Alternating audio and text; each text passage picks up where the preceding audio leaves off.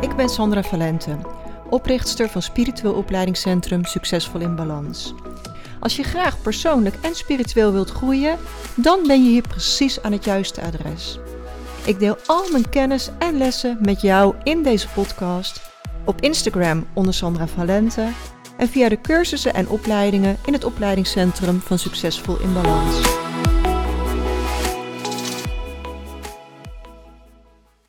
Super welkom bij deze eerste podcast weer na de zomerstop.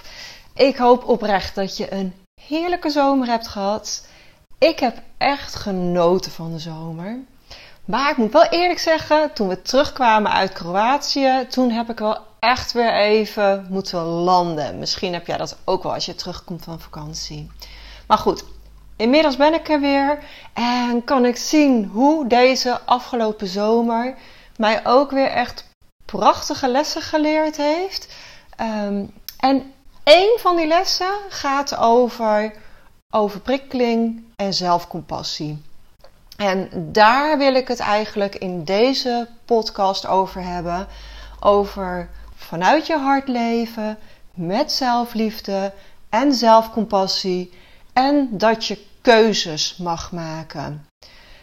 Ik heb geleerd dat een keuze die leidt tot overprikkeling niet per se ook een slechte keuze hoeft te zijn, als het maar een bewuste keuze is. En ik weet van mezelf dat ik extreem hooggevoelig ben en dat ik heel snel overprikkeld raak. En dat in combinatie met dat ik de afgelopen anderhalf jaar behoorlijk met mijn gezondheid heb lopen tobben, ja, zorgde er wel voor dat ik voor de zomervakantie heel erg prikkels aan het reduceren was. ik, ik deed nog maar één afspraak in een weekend. Door de week maakte ik eigenlijk helemaal geen afspraken meer s'avonds, behalve dan mijn wandelafspraak. ik probeerde echt om de prikkels buiten de deur te houden. En de keuze om in de zomervakantie twee weken een flotilje te gaan varen in Kroatië, die hadden we eigenlijk vorig jaar september al gemaakt. Want toen hebben we de boot en de flotilje geboekt. En als je nu denkt, wat is een flotilje? Ehm, een flotilje is een groep zeilboten die samen dezelfde route reizen. En elk gezin boekt dan een eigen zeiljacht. Dus het is een vrij grote boot ook waar je ook op kunt slapen. En er is dan één moederschip met een flotiljeleider die verantwoordelijk is voor de route en die je elke dag een, briefing meegeeft van nou daar moet je op letten, daar moet je naartoe, zo laat moet je er zijn. dus die heeft dan de leiding. En er was tegen ons gezegd dat zo'n groep, zo'n flotilje, meestal uit zes tot acht boten bestaat. En ik denk dat ik gewoon heb gehoord wat ik wilde horen. Want in mijn brein was alleen maar zes boten blijven hangen. en uh, toen we daar aankwamen in Kroatië op dag 1, bleek dus dat we in een flotilje van 10 boten zaten. Nou ja, goed. Um, aangezien je met je eigen gezin op zo'n boot zit, had ik ook niet zo'n hele goede inschatting van hoe intensief zo'n flotilje zou zijn. Maar in de praktijk bleek dus dat je elke dag zo rond half negen s morgens een palaver had. In elk geval de schippers dan. Dus dat betekent eigenlijk dat je als gezin ook op moet zijn. En een palaver is een, een, een briefing waarin je dan de uitleg voor die dag krijgt. En meestal was het zo dat je elke middag rond een uur of vier uiterlijk toch wel op de plek van bestemming moest zijn. En vaak was dat dan in een haven, maar dat was ook een aantal keren in een baai. En ik had al vrij snel door dat die baaien wel echt mijn ding zijn. Maar goed, in deze vakantie waren het met name havens. En in zo'n haven lig je dan meestal met tien boten naast elkaar, of in elk geval bij elkaar in de buurt. En als mensen dan allemaal aankomen, dan wordt er gelijk een borrelboot uh, gemaakt en een jongere boot. Waarbij dus de volwassenen bij elkaar kruipen, alle jongeren bij elkaar kruipen. Uh, en meestal was het dan zo dat er s'avonds om een uur of half negen een restaurant voor de hele groep gereserveerd was. En in de eerste week waren we uiteindelijk met 45 personen, uh, volwassenen en kinderen. En de tweede week was dat 53 personen. Nou, ik kan je oprecht zeggen, dat geeft zo'n intense herrie als je in een afgehuurd restaurant met hè, dus gemiddeld 50 personen zit. En iedereen gaat met elkaar kletsen. En ook al die jongeren uh, gaan met elkaar aan de slag. Nou, het was een intens geluid. ik kan het niet anders beschrijven. Nou, ik had nog nooit een flotilje gevaren. Dus ik was er echt helemaal open in gegaan. Ik wist niet zo goed wat ik moest verwachten. Um, en ik heb het ook vol verbazing aangezien. Ik heb ook verbaasd gestaan over hoe mensen zonder ervaring op een boot durven te stappen. wij hadden met het hele gezin hebben wij twee jaar terug uh, twee zouwcursussen gevolgd. we hebben CWO 1 en CWO 2 gehaald. En dat zijn echt praktijkcursussen met een praktijkdiploma. En Wiljo, uh, mijn man, die had dan ook kleinvaarbewijs 1 en 2 gehaald. En dat is echt een theoretisch diploma. En om zo'n boot te mogen huren, heb je dat theoretische diploma nodig. Maar feitelijk heb je dan nog geen meter gevaren. Hè? Weet je alleen maar theorie en heb je het nog nooit in praktijk gebracht. En er zijn dus mensen, kennelijk moet ik concluderen, die alleen maar met wat theoretische ervaring en misschien ooit eens op een klein zeilbootje uh, gezeten hebben, op zo'n zeiljacht durven te stappen van minimaal 12 meter. En die vervolgens geen idee hebben hoe ze weg moeten varen of hoe ze aan moeten leggen. En ik leerde daar ook weer uit hoe kritisch wij eigenlijk op onszelf zijn. Hoe hoog wij die lat hebben liggen. Um, want wij vinden dat wij dit allemaal perfect moeten kunnen. Wij hadden van tevoren natuurlijk die cursussen gedaan. Ik zou het ook echt niet anders willen hoor, want je wil weten waar je aan begint. Maar ook, um, we hadden daar heel goed over nagedacht hoe we dingen aan moesten pakken zodat het goed zou gaan. En kennelijk mogen we af en toe ook best wat milder voor onszelf zijn. Het hoeft niet in één keer perfect, zolang we maar geen gat in die boot varen. Wij hadden echt een fantastische bemanning met onze kinderen. Iedereen wist precies wat hij moest doen. Allemaal pakken we een eigen hoek van het schip. En overal konden we soepel aanleggen, wegvaren. Het gaf nooit stress. We hebben ook best wel heel veel complimenten gehad van anderen die veel meer zeilervaring hadden. Die zeiden: Wauw, wat pakken jullie dit relaxed aan? Het ziet er altijd goed uit bij jullie. Toen dacht ik: Dat is wel heel vet, weet je Dat is wel echt heel tof. Maar goed, tegelijkertijd denk ik ook: het geeft ons soms ook wel stress dat we die lat zo hoog hebben liggen. Maar goed, ik heb dus op dag 1 een boot ik zag al toen ze weg gingen varen van, oh, ik moet hier even naar gaan kijken, want volgens mij gaat dit helemaal mis. En inderdaad, die kwam dwars tegen een ander schip aan te leggen. Uh, die zaten zwaar in de problemen. Dit lukte ze niet om weg te varen. We hebben eh, bij het aanleggen waren wij al aan de kant en we zagen een ander schip van gelukkig andere groep hoor, niet van onze flotilje, zagen we aankomen. Die hadden al drie keer een mislukte aankomst gehad en iedere keer moesten ze het weer opnieuw proberen. En uiteindelijk viel daar de bemanning gewoon van boord. Ik heb echt met verbazing aangezien hoe dingen soms gaan. Maar goed, gelukkig speelde dat niet in onze flotilje. Hoewel ik ook daar zeer ervaren schippers soms echt een inschattingsfout heb zien maken. En dat ik denk, oh, wat zijn wij toch af en toe streng voor onszelf. Hè? Mogen we soms echt die lat ook wel een beetje lager eh, leggen. En kennelijk hebben wij als gezin dat allemaal wel, dat we die lat zo hoog hebben liggen. Dus waar mag je milder naar jezelf uh, zijn? Goed, in onze groep van 45 en later 53 volwassenen en kinderen was het een behoorlijke drukte vanaf aankomst in een haven of baai. En voor een hooggevoelig en prikkelpersoon als ik ben, was dit echt mega intens.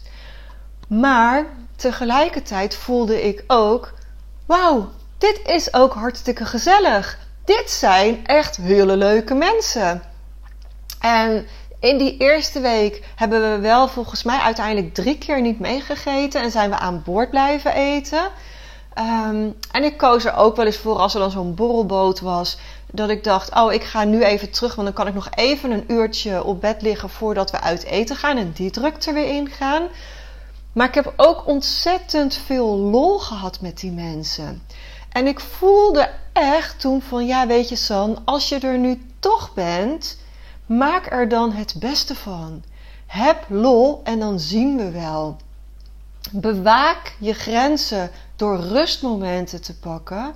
En overdag ben je heerlijk met het gezin op de boot, met je hoofd in de wind, waait alles van je af. Ik heb echt gemerkt op de boot, ik kan daar geen gedachten hebben. Alles gaat gewoon van je af. Het is goed zo. En ik weet ook, als ik dit van tevoren geweten had, had ik deze vakantie nooit durven boeken. Dus het is maar goed dat ik het niet geweten heb, want dan had ik ook alle fun gemist. En ik kan nu terugkijken op deze vakantie als echt een fantastische once in a lifetime ervaring. Ik ga het nooit weer doen, ben ik ook eerlijk in. Maar ik ga het ook, ik had het niet willen missen. We hebben zulke leuke mensen ontmoet. We hebben zoveel lol samen gehad. Um, maar ik heb ook weer gezien dat je een mazzel moet hebben in zo'n groep. die tweede week was er veel minder aansluiting en saamhorigheid binnen de groep. En trokken wij met name op met de vier boten die twee weken waren. We noemden onszelf de 2.0'ers en we hadden heel veel lol met elkaar. En overdag hebben we zeker ook die eerste week heel vaak dolfijnen gezien. In het wild, in de zee. Uh, de eerste keer dat ze vrij dichtbij langs onze boot zwommen, was ik zo intens aan het genieten. Dat achteraf bleek dat ik mijn camera volledig verkeerd gericht had en er geen dolfijn op mijn telefoon stond. Um, maar dat is ook een keuze die ik ooit gemaakt heb. Want in het verleden heb ik wel eens een prachtig moment alleen maar van achter mijn telefoon gefilmd. En was ik zo druk met het filmen dat ik het eigenlijk helemaal niet live had gezien, alleen maar op mijn beeldscherm. En daar had ik dan achteraf spijt van, dat ik dacht, ja, weet je, eigenlijk heb ik alleen maar achter het schermpje gezeten. En tegenwoordig geef ik dus voorkeur aan het live echt zien, voelen en ervaren van wat er gebeurt. En die opname met mijn telefoon, dat is gewoon tweede plaats. Als het lukt is het prachtig, maar lukt het niet, jammer dan. Filmen met je hart is zoveel belangrijker. En filmen met je hart, dat deed ik op dat moment. Kijken met mijn ogen, voelen, alle stofjes in je lichaam tot uiting laten komen van enthousiasme en um, blijheid. Eén dolfijn die sprong uit het water en die draaide zich op zijn rug en liet zich op zijn rug weer in het water vallen. En dat beeld staat echt in mijn hart gegrift. Het was zo bijzonder en zo mooi. Ja, en helaas heb ik er geen beelden van op mijn telefoon. Dat is dan maar zo. En de herkansing kwam gelukkig wel nog later hoor. Want op een gegeven moment zagen wij een keer op afstand dolfijnen aankomen. En toen kon ik nog heel soepel ook mijn camera pakken. Ik heb toen heel even goed gericht. En vervolgens ben ik wel weer echt naast de camera live met mijn ogen gaan kijken hoe ze uh, vlak voor onze boot zeg maar aankwamen, onder onze boot doorzwommen en zo aan de andere kant weer wegzwommen. En het grappige is, die opname is heel goed gelukt. En het allermooiste op die opname is nog wel de reactie van mijn oudste dochter, die zo waanzinnig enthousiast was. Um, dus ja, super tof. Die dolfijnen staan er goed op. En haar reactie is eigenlijk goud waard. Dat die gewoon qua geluid er ook op staat. Nou, overdag op de boot hebben we dus ook echt genoten. De gezelligheid s'avonds met de rest van de groep um, was ook echt heel leuk. En als je dan kijkt naar het zielsniveau, hè, waarom ben je op aarde gekomen? Je bent naar aarde gekomen om te leren en te groeien als ziel. Maar wel vanuit plezier en fun. Um, Tuurlijk moet je ook je lessen leren, maar het is echt wel de bedoeling dat je plezier hebt op aarde. En dat we het leven niet altijd maar te serieus nemen. Het leert dat we bewuste keuzes mogen gaan maken. Je balans vinden tussen rust, gezelligheid en actie. Want juist in liefdevolle verbinding met anderen, door samen te lachen, te kletsen, te feesten, een wijntje te drinken, maakt je lichaam positieve hormonen aan.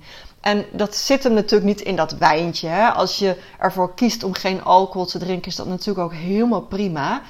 Ik drink thuis eigenlijk helemaal nooit. Alleen maar als ik naar een feestje ben of op vakantie. Dan vind ik een wijntje wel lekker. Ehm, en het grappige is ook wel om te beseffen dat je hersenen een verbinding maken tussen die gezelligheid, de situatie en het wijntje. Dus als mensen dan thuis vervolgens een wijntje gaan drinken omdat ze denken: oh ja, dan kan ik zo goed ontspannen. Dan kan het dus zijn dat je helemaal niet zo goed ervan ontspant als dat je gehoopt had, omdat het plaatje helemaal niet compleet is. Je kon er toen van ontspannen vanwege de setting, vanwege de mensen, vanwege, hè, vanwege het totaalplaatje.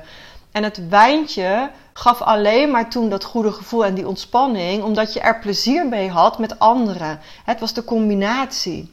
Dus het is nooit dat glaasje wijn op zich dat een goed gevoel geeft. En wat thuis datzelfde gevoel kan herroepen. En dat geldt ook voor die puntaart op een feestje. En hè, je snapt wel wat ik bedoel. Je hersenen koppelen soms de verkeerde dingen aan elkaar. Het geluksgevoel zit niet in een punt taart of een glas wijn. Het geluksgevoel zit in de totale setting, in de liefdevolle verbinding met anderen en het plezier dat je op dat moment hebt. En dat dat toevallig gepaard gaat met een lekkere snack of met een taartje of met een wijntje. Uh, dat is eigenlijk alleen maar wat het totaalplaatje compleet maakt. En als je dan kijkt naar het menselijk lichaam, dan zijn de vier belangrijkste gelukshormonen zijn serotonine, dopamine, endorfine en oxytocine. En al deze stofjes maakt het lichaam zelf aan in verbinding met anderen. Niet door jezelf in je kamer op te sluiten. Dus met alles is het super belangrijk om te voelen: wat heb ik nu nodig? Wat geeft mij nu het meeste plezier of geluk? En ik maakte bewust die vakantie de keuze van wat geeft mij meer plezier? Me de hele vakantie terugtrekken in mijn hut op de boot of ook de verbinding met anderen aangaan?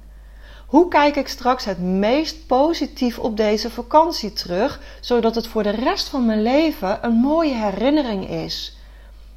Ehm, en dan kon ik de keuze maken om elke dag eigenlijk meer prikkels te ontvangen dan dat ik normaal gesproken zou kunnen ontvangen, maar wel om de lol te hebben. En ja, ik koos ook mijn rustmomenten heel bewust. En eerlijk is eerlijk, na twee weken was het echt helemaal klaar. Ik was zwaar overprikkeld. Ehm, maar ik wist ook dat we uit voorzorg al een huis op het vasteland geboekt hadden voor een week om bij te komen. Want we hadden nog nooit op zee gezeild. Ik had geen idee hoe we van die boot af zouden komen.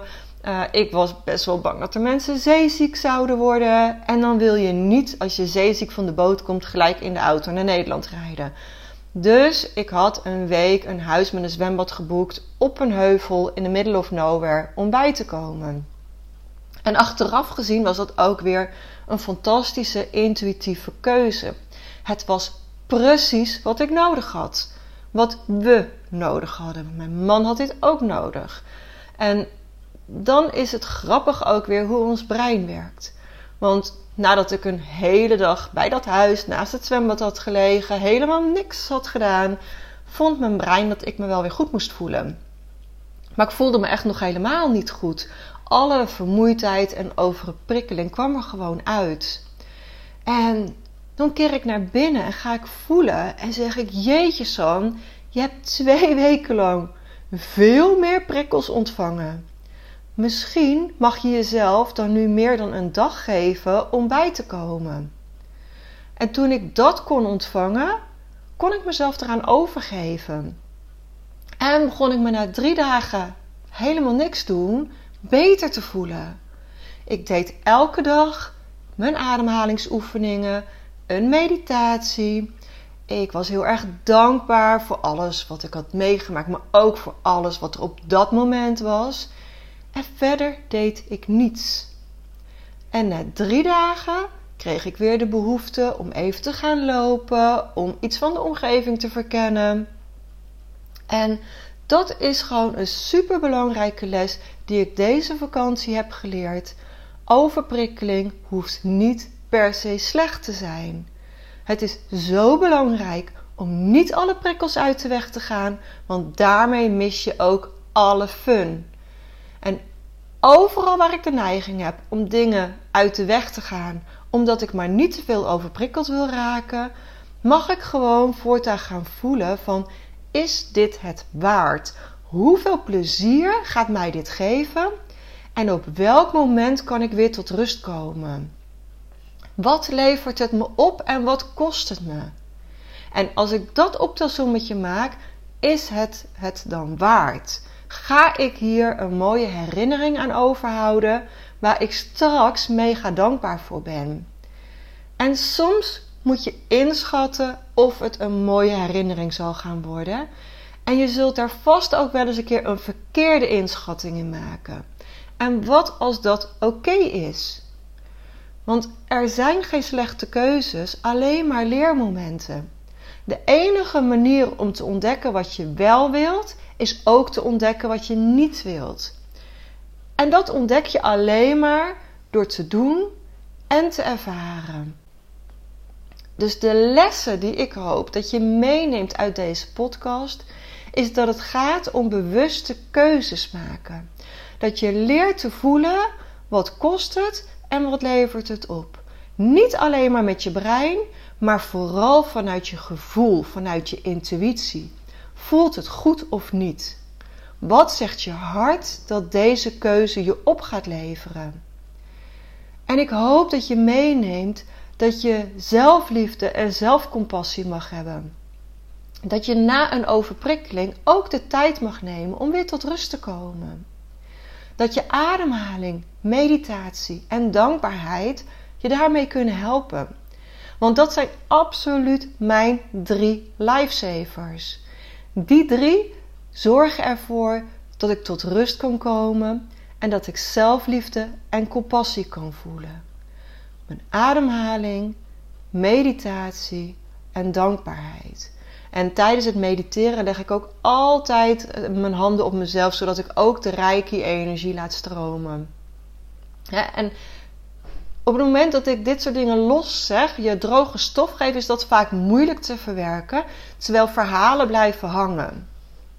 Dat is de reden dat ik ook mijn verhaal met jou deel, zodat dit verhaal in jouw onderbewustzijn uh, gepland wordt. En jij op deze manier de lessen die hierin zitten kunt gaan integreren in je eigen leven. En als jij nog mensen kent waarvan je voelt: oh wauw, die mogen dit ook leren. Ja, deel deze podcast dan met je omgeving. deel dit op social media en tag mij en laat weten wat dit met je doet, welke lessen je hier uithaalt. ik ben super benieuwd. Dankjewel voor het luisteren. En als ik je mag vragen om één dingetje voor mij terug te doen, geef deze podcast dan een 5 sterren beoordeling op Spotify of schrijf een mooie review op Apple Podcast. Kijk even hoe je deze podcast in het zonnetje kunt zetten, want samen kunnen we de wereld mooier maken. Dankjewel en tot volgende week.